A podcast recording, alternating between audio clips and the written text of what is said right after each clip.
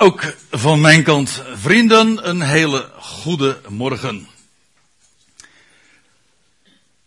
En je zou zomaar kunnen denken dat ik, evenals de vorige, vorige spreker Tjerk, zou aansluiten bij de actualiteit, omdat ik het ga hebben over Johannes. Maar dat lijkt maar zo. Want ik ga het niet hebben over een walvis die is aangespoeld op het strand daar bij Tessel. En daar is ongeveer eh, de overeenkomst. Meer zou ik het niet zo eh, direct kunnen bedenken. Of het zou al moeten zijn dat het aan de waterkant is. Maar ik ga u meenemen naar een geschiedenis die ver achter ons ligt, ergens 2000 jaar geleden, naar Johannes 1. En zojuist heeft Tjerk het gelezen. En ik wil vanmorgen met u inzoomen op één vers. Dat is voor mij zelf niet zo heel gebruikelijk om dat op die manier te doen. Maar aan dat ene vers hebben we vanmorgen meer dan voldoende. En het gaat over dit ene vers wat u hier ook ziet geprojecteerd, vers 29. Ik zal straks nog wel wat vertellen over dat plaatje wat ik erbij vermeld, wat ik erbij heb weergegeven. Maar in Johannes 1, vers 29, in de NBG-tekst, en die is vrij correct als u het mij vraagt.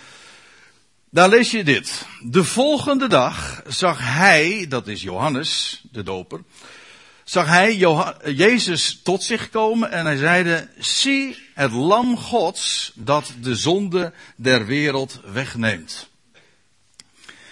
En ik wil een viertal vragen eens stellen. En niet alleen die vragen stellen, ik wil ook graag antwoord op die vragen geven. En de eerste plaats wil ik wat ingaan op de, meest makkelijke, denk ik.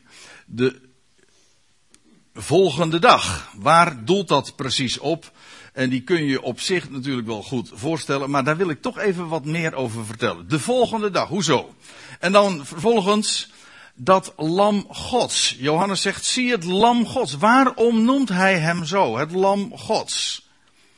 En dan nog een vraag, en misschien is dat nog wel de kernvraag van vanmorgen.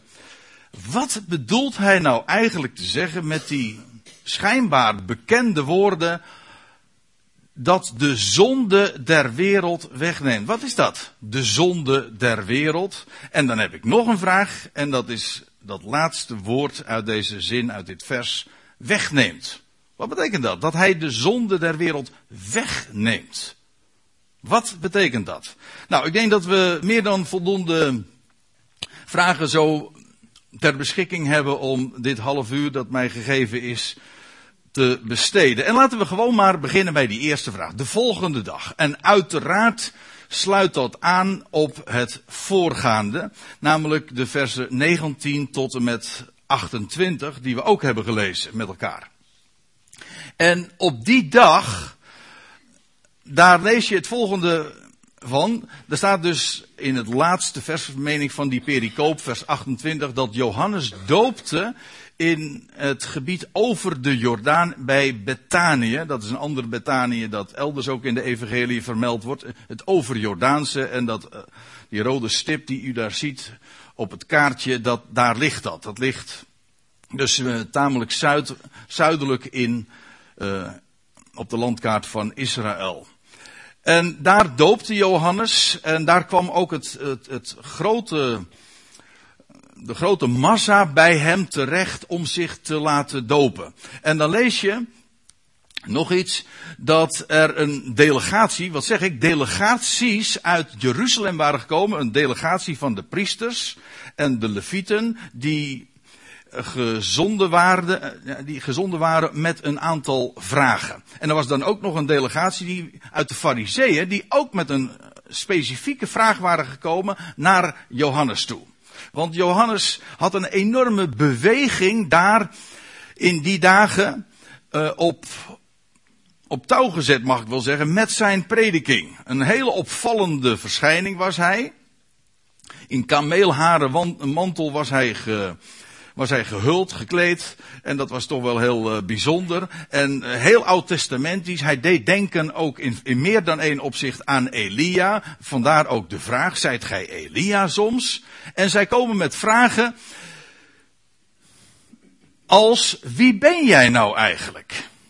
En daarmee bedoelden ze niet, ben jij Johannes, maar wie ben jij? Wat zijn jouw bijbelse papieren? Jouw papieren die je kunt tonen. Ben jij de Christus? Die vraag stellen ze. Ben jij de beloofde Messias? En het antwoord is nee. Ben jij dan de Elia waarvan de profeten, of vooral de profeet Malachi uh, spreekt, die zou komen voordat de grote dag des Heren zou komen? Moet zich realiseren, in die tijd was de messiaanse verwachting heel groot. En terecht. Er liep, er liep een termijn ook af. En, en, en de gelovige Israëlieten wisten, nu moet de Messias zich gaan aandienen. Dus de, de hele sfeer was toen ook al zwanger van messiaanse verwachting.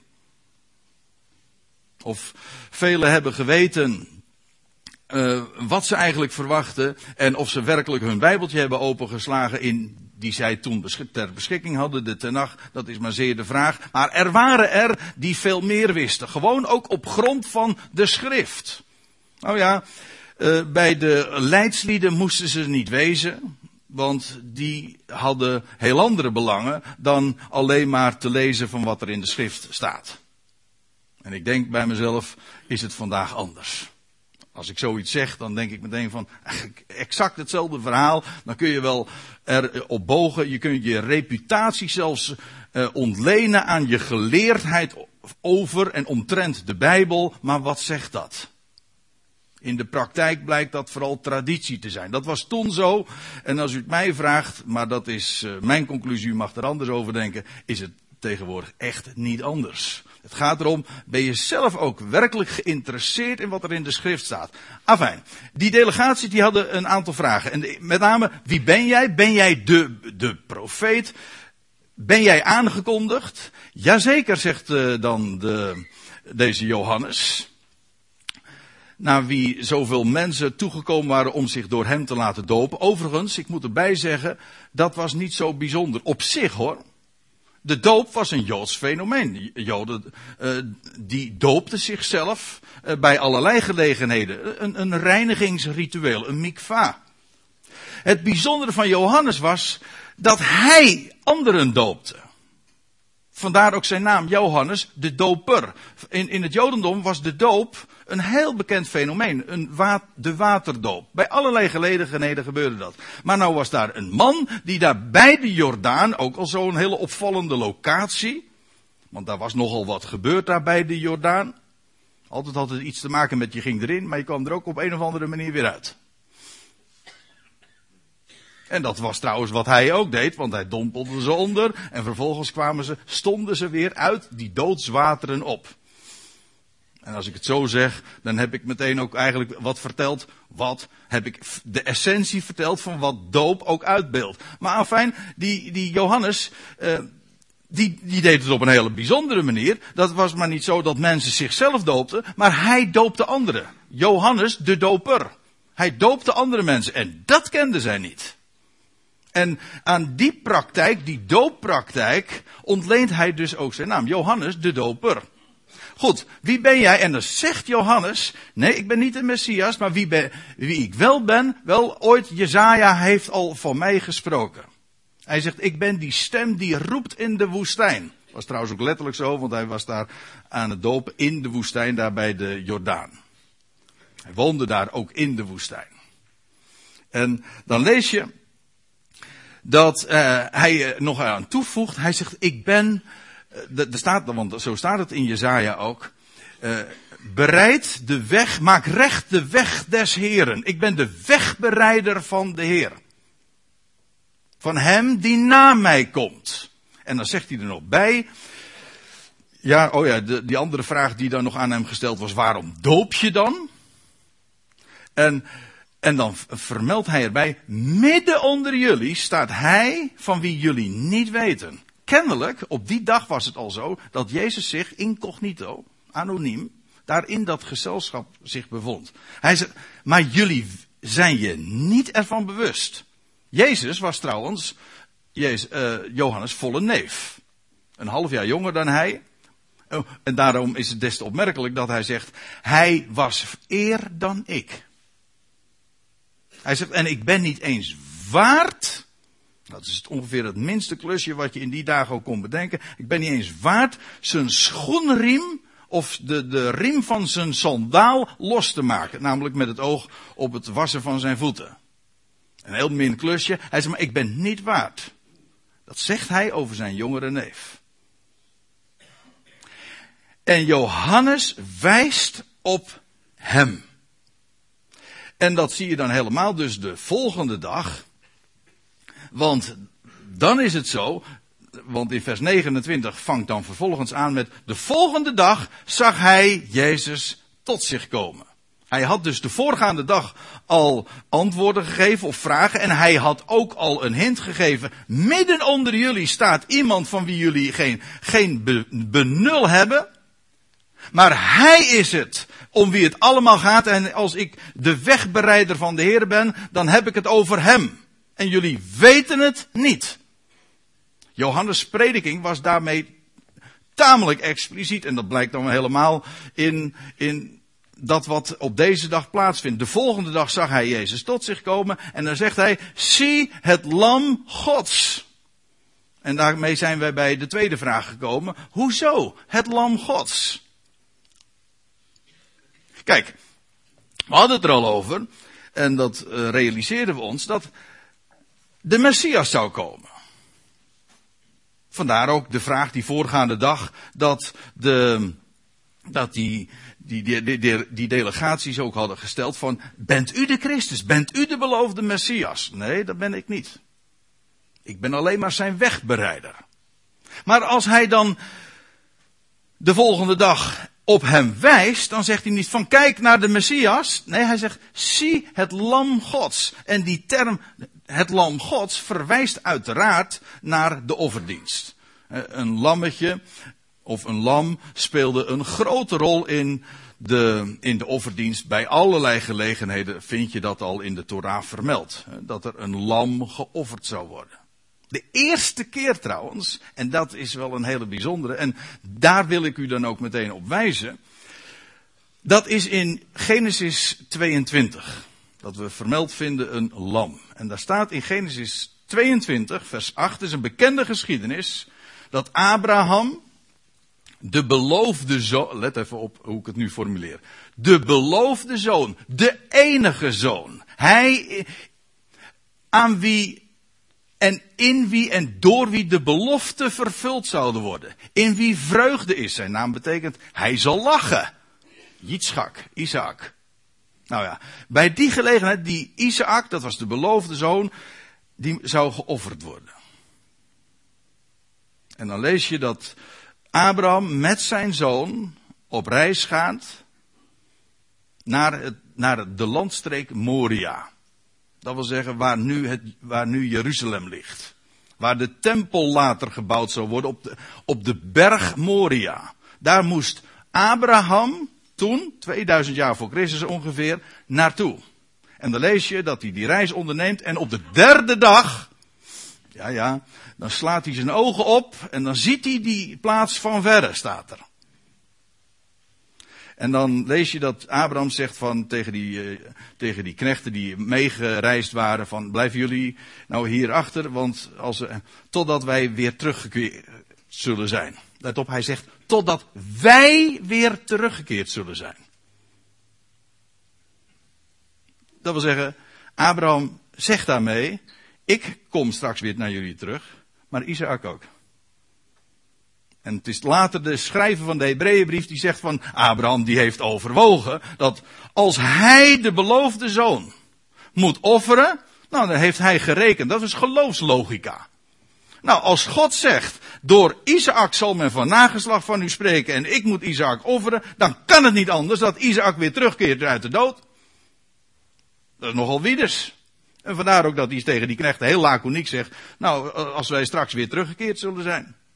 Het was bovendien de derde dag, denk ik dan, dus dat kan niet missen. Maar goed, dat is met de kennis van nu. Hè? Afijn. Dan lees je die twee, Isaac en Abraham, gaan dan samen naar de plaats toe. En dan vraagt Isaac die hele aangrijpende vraag: uh, Vader. En dan zegt hij: Ja, hier, hier ben ik.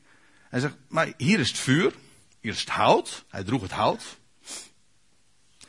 Maar waar is het lam ten brandoffer? Want Abraham had al tegen Isaac nog niks gezegd. En dan zegt Abraham deze woorden. En die zijn zo profetisch, zo geladen. Want ze gaan niet alleen maar over die bewuste dag. Dat Isaac gebonden zou worden. Dat blijkt later uit de context ook wel. Tot op heden toe wordt gezegd, op de berg des Heren zal voorzien worden. Dus de uitspraak die, Johan, die Abraham hier doet, is, is zo geladen dat daar zitten hele, hele diepe of meerdere bodems in. Zoals dat meestal met bijbelteksten het geval is. U bent gewaarschuwd. En Abraham zeide, als antwoord op de vraag die Isaac hem gesteld had, God zal zichzelf van een lam ten brandoffer voorzien. Mijn zoon. Het lam Gods. Dat wil zeggen, God zal zichzelf van een lam ten brandoffer voorzien. En nogmaals, dat gaat niet alleen maar over wat er die bewuste dag gebeurd is als Isaac, of ja, als dreigt te sterven uh, doordat Abraham zijn mes uitsteekt. En dat er dan een ram in de, een ram in de struiken verward is. Dat gaat niet alleen daarover. Het gaat, Abraham ziet vooruit. Hij profeteert over wat er ooit zou gebeuren. Iemand zou komen. De beloofde zoon van Abraham. Jazeker. De zoon van Abraham. Het is niet voor niks dat in Matthäus 1 vers 1 heel majestueus en triomfantelijk aanheft met het geslachtsregister van Jezus Christus. Er staat erbij de zoon van Abraham. Dat is deze. Wel, God zal zichzelf van een lam ten brandoffer voorzien. Ja, ooit, op een specifieke dag, zou er een lam geslacht worden en bovendien opstijgen. Want een brandoffer, ja, dat, dat ontgaat ons misschien een beetje in dat woord, maar letterlijk is het een offer van opstijging. En het doelt daarop dat er een, een, lam wordt geslacht. Dat is één ding. Maar vervolgens, dat, dan is het nog geen brandoffer, als het alleen maar geslacht is. Dat is een noodzakelijke voorwaarde. Maar dat lam dat geslacht is, dat wordt op een verhoging geplaatst. En vervolgens stijgt dat op, goden tot een liefelijke reuk. Uiteraard spreekt dat van de dood en opstanding van de Heer Jezus Christus, waarbij hij verrees, opsteeg, goden tot een liefelijke reuk, nieuw leven.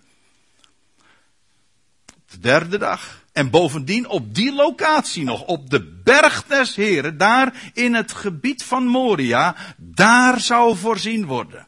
Daarom zeg ik, deze uitspraak is zo profetisch. Het lam gods waar Johannes dan zoveel later naar uh, van, van spreekt en als hij, als hij zegt van zie het lam gods.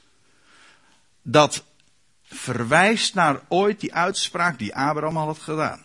Het lam dat zou komen. Waarmee ook gezegd is, en ik weet niet wat Johannes zich daar allemaal van gerealiseerd heeft. Het kan zijn dat Johannes dingen heeft gezegd die, die, waar hij zichzelf niet eens bewust van was. Dat lees je ook ergens eh, elders in, in de Petrusbrief staat het ook, dat, de profeten dingen hebben gezegd.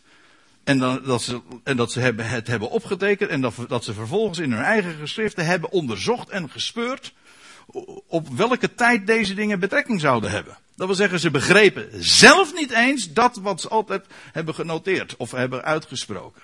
Dat zou zomaar kunnen bij Johannes. Dat weet ik niet, dat maakt me ook niet uit. Het gaat er maar om, hij heeft gesproken. Zie het lam gods. Hij is het die niet alleen maar de Messias is, de beloofde Messias die straks Israël zal herstellen en het koninkrijk op aarde zal vestigen. En aan alle onrecht in deze wereld een oneinde zal maken. Natuurlijk, dat is hij. Maar die, die Messias is ook het lam Gods. Die God zichzelf zou voorzien. Op zijn tijd, Op zijn wijze en bovendien op de plaats die hij daar ook al voor had bestemd. Alles is gearrangeerd. Alles is in, in handen van de grote regisseur. Ik vind het altijd zo machtig om daar aan te denken. Nooit, zojuist heeft Tjerk het ook al één of twee keer gezegd. Nooit gaat er bij God iets mis. Ik blijf het zeggen en ik blijf het altijd met een lachend gezicht zeggen ook.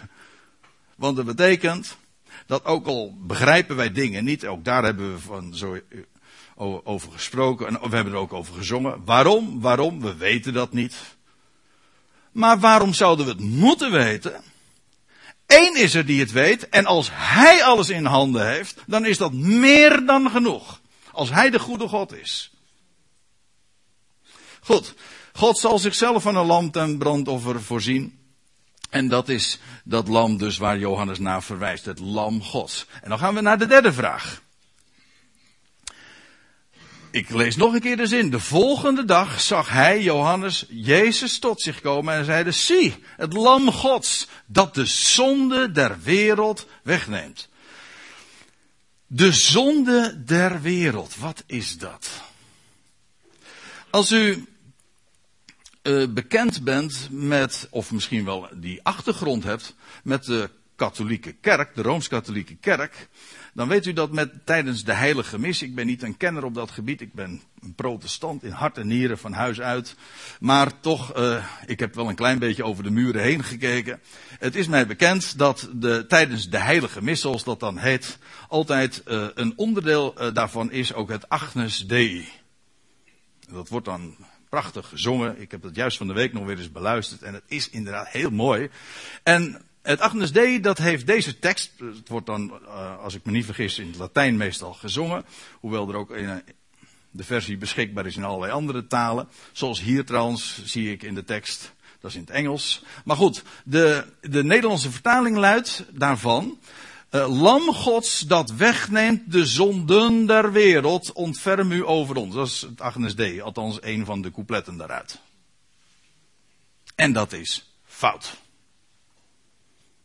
En u zegt van, nou, André, sorry, uh, ga je nou vallen over één lettertje? Ja.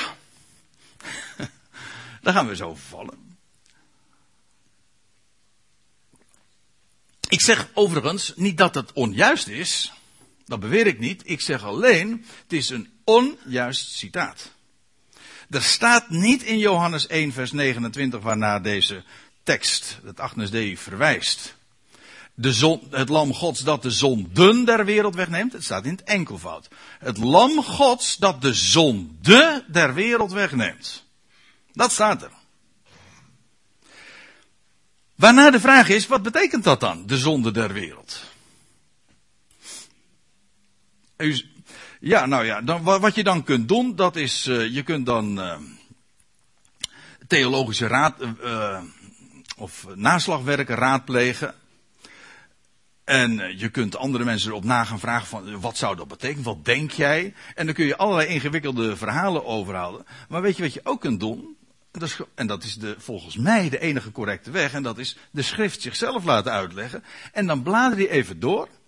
In hetzelfde Johannesevangelie.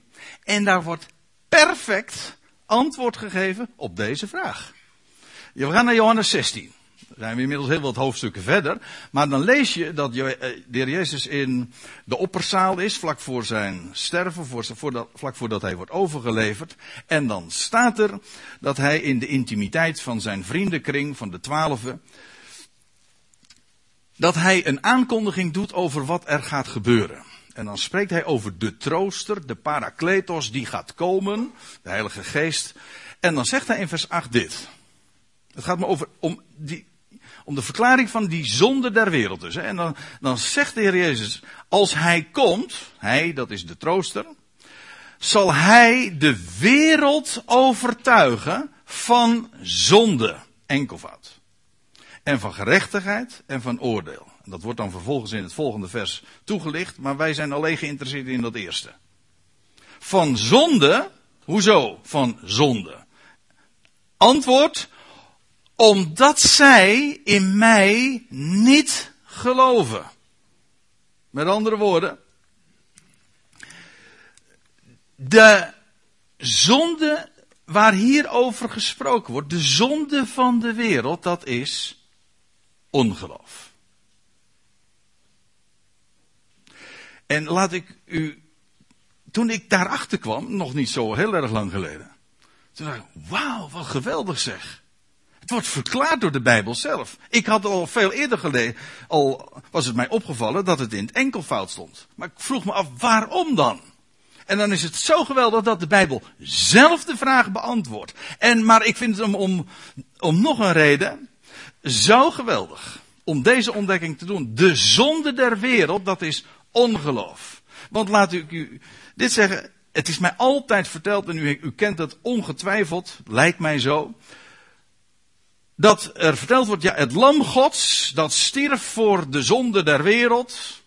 Voor alle zonden. Maar er is één zonde. Daar stierf hij niet voor. Dat is aan jou, aan ons, aan de mens. Namelijk te geloven. Alle zonden kan hij wegnemen, maar jij, jij hebt een vrije wil, jij moet geloven. En als je niet gelooft, dan is het lom gods gestorven, maar helaas niet voor jou. Dus dan, is, dan wordt het zo voorgesteld voor alle zonden, behalve voor ongeloof. En ik keer het nu gewoon op basis van Johannes' eigen verklaring precies om. Namelijk, het gaat hier juist over ongeloof. En trouwens, als je even erover doordenkt, dan wordt het nog, nog volstrekt logisch ook. Er is, als het erop aankomt, ook maar één zonde. En dat is ongeloof. Alle andere zonden komen daaruit voort. Wantrouwen. Dat begon al in de Hof van Eden.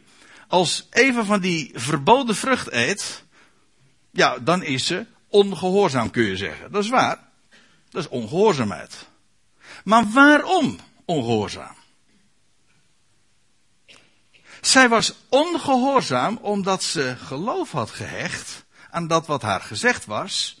Ja, God, had, God die wil niet dat jij van die vrucht eet, want hij weet dat ten dagen dat je daarvan eet, dat je ogen daarvoor open gaan. Gods goedheid werd ter discussie gesteld.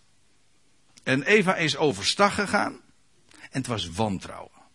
En daarmee ongeloof. Want je kunt natuurlijk zeggen, ze was ongehoorzaam, dat is waar. Maar die ongehoorzaamheid had een bron. Een oorzaak. En dat is ongeloof. Dat wil zeggen wantrouwen. En elke zonde komt feitelijk voort uit het niet vertrouwen van God. En dat is in wezen nu nog steeds het geval. Gods goedheid wordt betwist. Vraag maar, vraag maar zomaar je aan een collega hebt, een gesprek met, met, met je buurman. En uh, misschien herkent u het bij uzelf uh, ook. Zomaar, dat zou zomaar kunnen. Er zitten hier veel mensen in de zaal. Maar ik, ik maak me sterk dat er hier mensen zijn die dat ook denken. Van ja, waar, nou ja, we hebben ook daar liederen over gezongen. Ik refereerde er al even aan. Al die dingen die er gebeuren in de wereld. Vraag het maar eens na. Altijd is het weer van, als God dan goed is.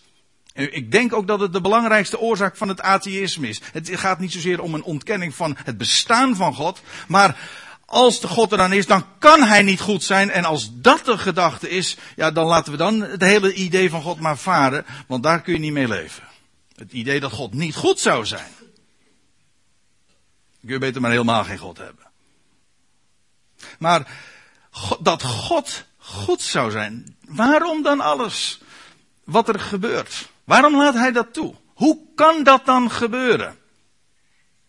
Het niet erop vertrouwen dat God werkelijk goed is. Dat is ongeloof. En eigenlijk is de hele wereld daarvan vergeven. En dat is ook de, waarom we vervreemd zijn van God.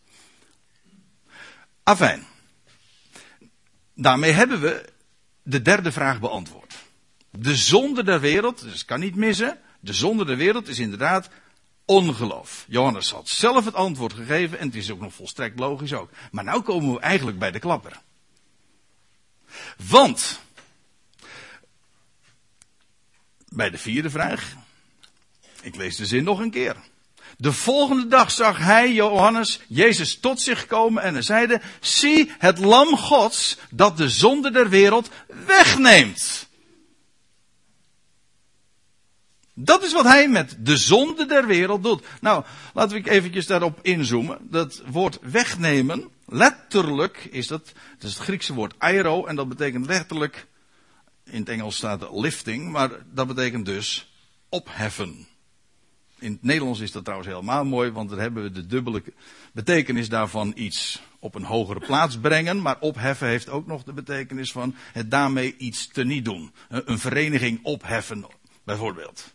Nou, dat past in dit geval helemaal, want dan krijg je dus deze zin. Het, zie het lam gods dat, de, dat opheft de zonde der wereld. Wat is die zonde der wereld? Dat is ongeloof.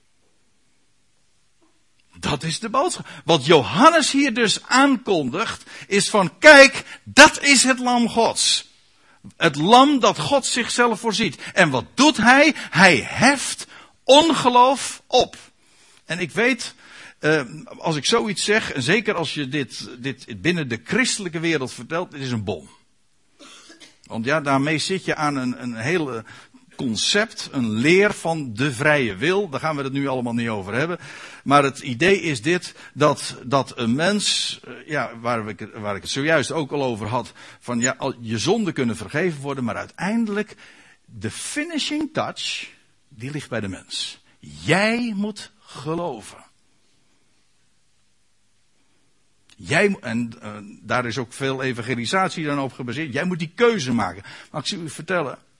Geloven is niet een kwestie van een keuze maken. Geloof is niet een, een, een, een jasje dat je aan kan trekken of uit kan doen. Kijk, je, je kunt een, een, een keuze kun je inderdaad maken. Hè, op commando. Dat kan. Maar geloven op commando, dat gaat niet.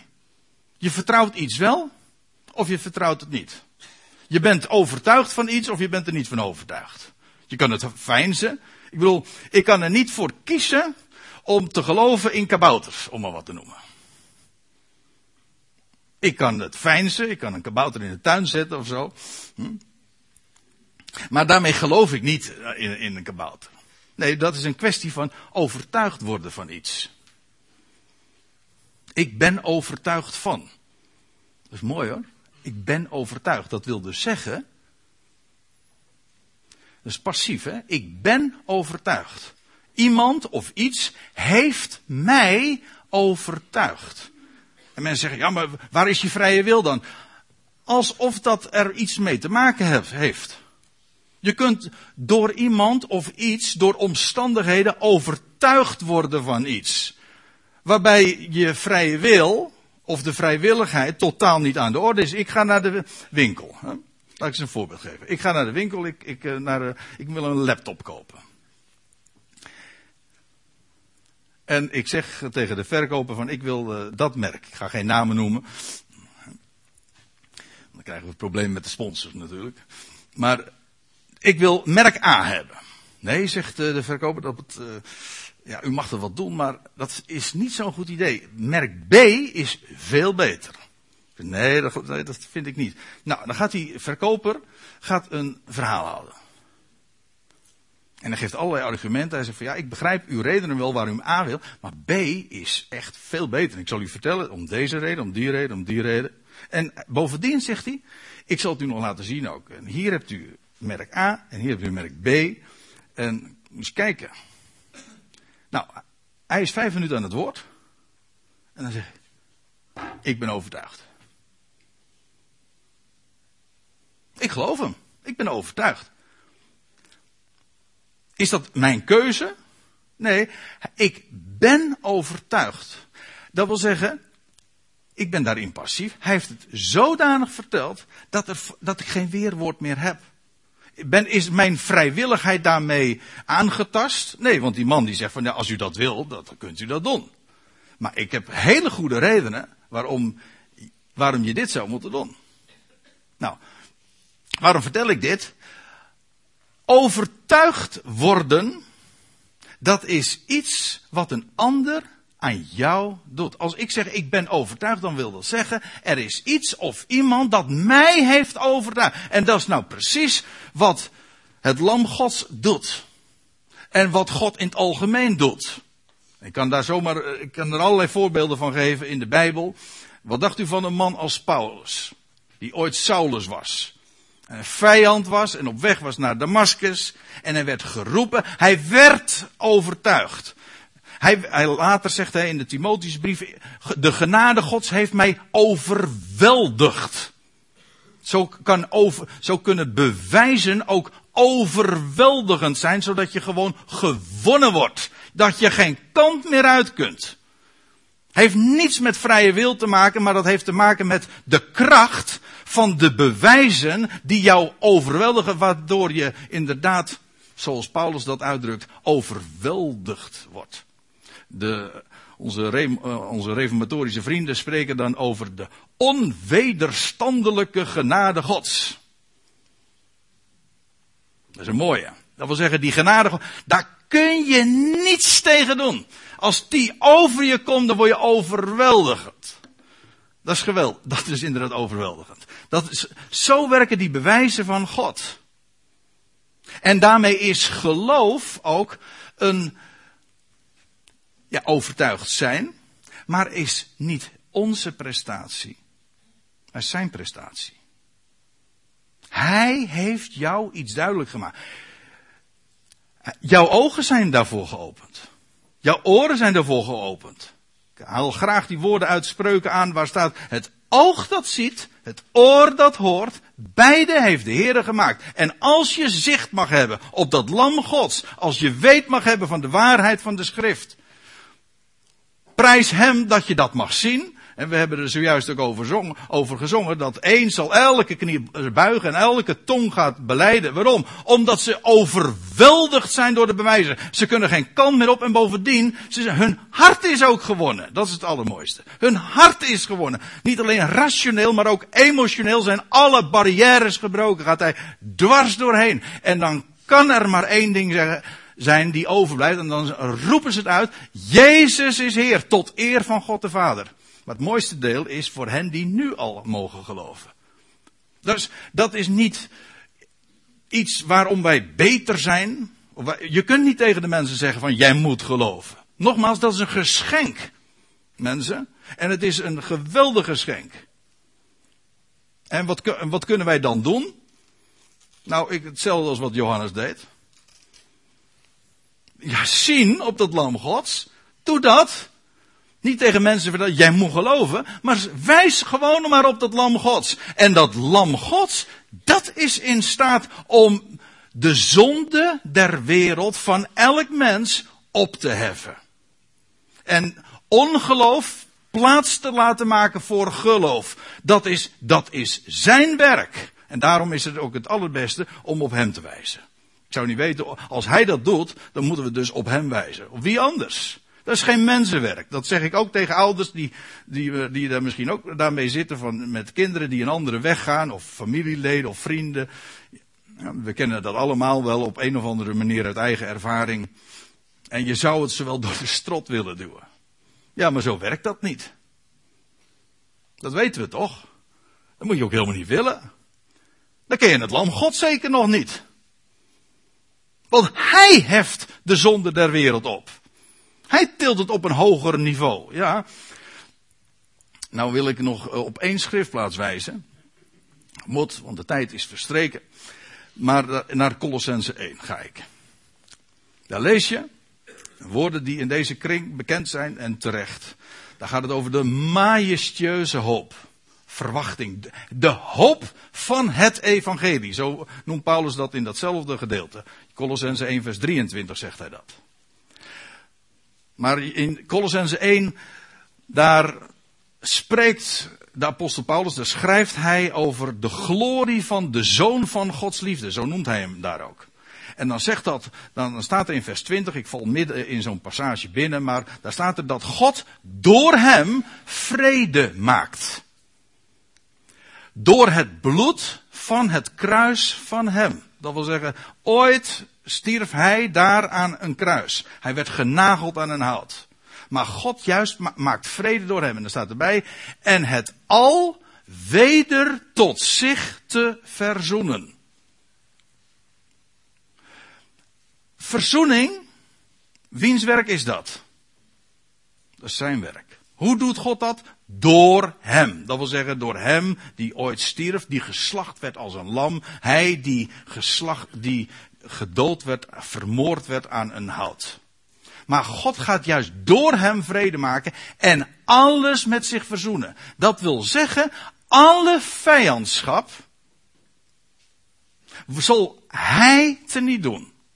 Ik lees even verder hoe universeel dat is. In vers 20 staat dan in het vervolg. Door hem, het zij wat op de aarde, het zij wat in de hemel is. Waarmee op allerlei manieren is gezegd van dat daar geen uitzondering is. Hij gaat het al met zich of tot zich verzoenen. En het kan, of dat nou op de aarde is of in de hemel is, alle vijandschap, want daar gaat het over, zal plaatsmaken voor vrede. Vijanden worden gemaakt tot vrienden. Dat is zijn werk. En dan lees ik nog even verder in vers 21. Daar staat, ook jullie, schrijft Paulus, die eens vervreemd en vijandig gezind waren in de boze werken. Dat wil zeggen, die boze werken van jullie maakten dat wel duidelijk. Dat jullie vervreemd van hem waren. Of zelfs vijandig gezind waren. En er staat, verzond hij nu. Dat wil zeggen, het al wordt verzoend, dat is toekomst. Maar nu zijn er mensen die ook al verzoend worden. Dat wil zeggen, die vijandig waren, of vervreemd van God. Wel, en dan is Hij het die vijanden tot vrienden maakt. En weet u wat mensen dan zeggen? En ik zeg het weer, ik steek de hand in eigen boezem, dat wil zeggen, de christenen zeggen dat. Dat is vreselijk, maar zeggen, ja, wij moeten geloven, dat is ons werk. Er is één, ik heb het van de week nog iemand horen zeggen. Er is één voorwaarde voor die verzoening. Jij moet wel tot hem komen. Weet u, ik zal u, laat, ik het eens wat, uh, nou ja, chargeren. Ik, ik zeg gewoon zoals het is, denk ik. En u mag het zelf controleren. Er is één voorwaarde om verzoend te worden. Dat is waar. Weet je welke voorwaarde dat is? Je moet eerst vijandig en, vrij, en uh, vijandig gezind zijn of vervreemd. Dat is de enige voorwaarde. Want als je niet vijandig bent of vervreemd, ja, dan kun je niet verzoend worden ook. Maar als aan die voorwaarden eh, voldaan is, dat wil zeggen, als u hier zit, of jij zit hier, en zegt, ik moet hier helemaal niks van weten, dit is allemaal onzin. Dan heb ik goed nieuws voor je.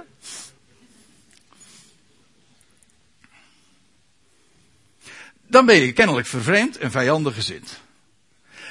Er is er één, een God, één God, hij is de plaatser. Je bent zijn schepsel, hij heeft een plan met jou.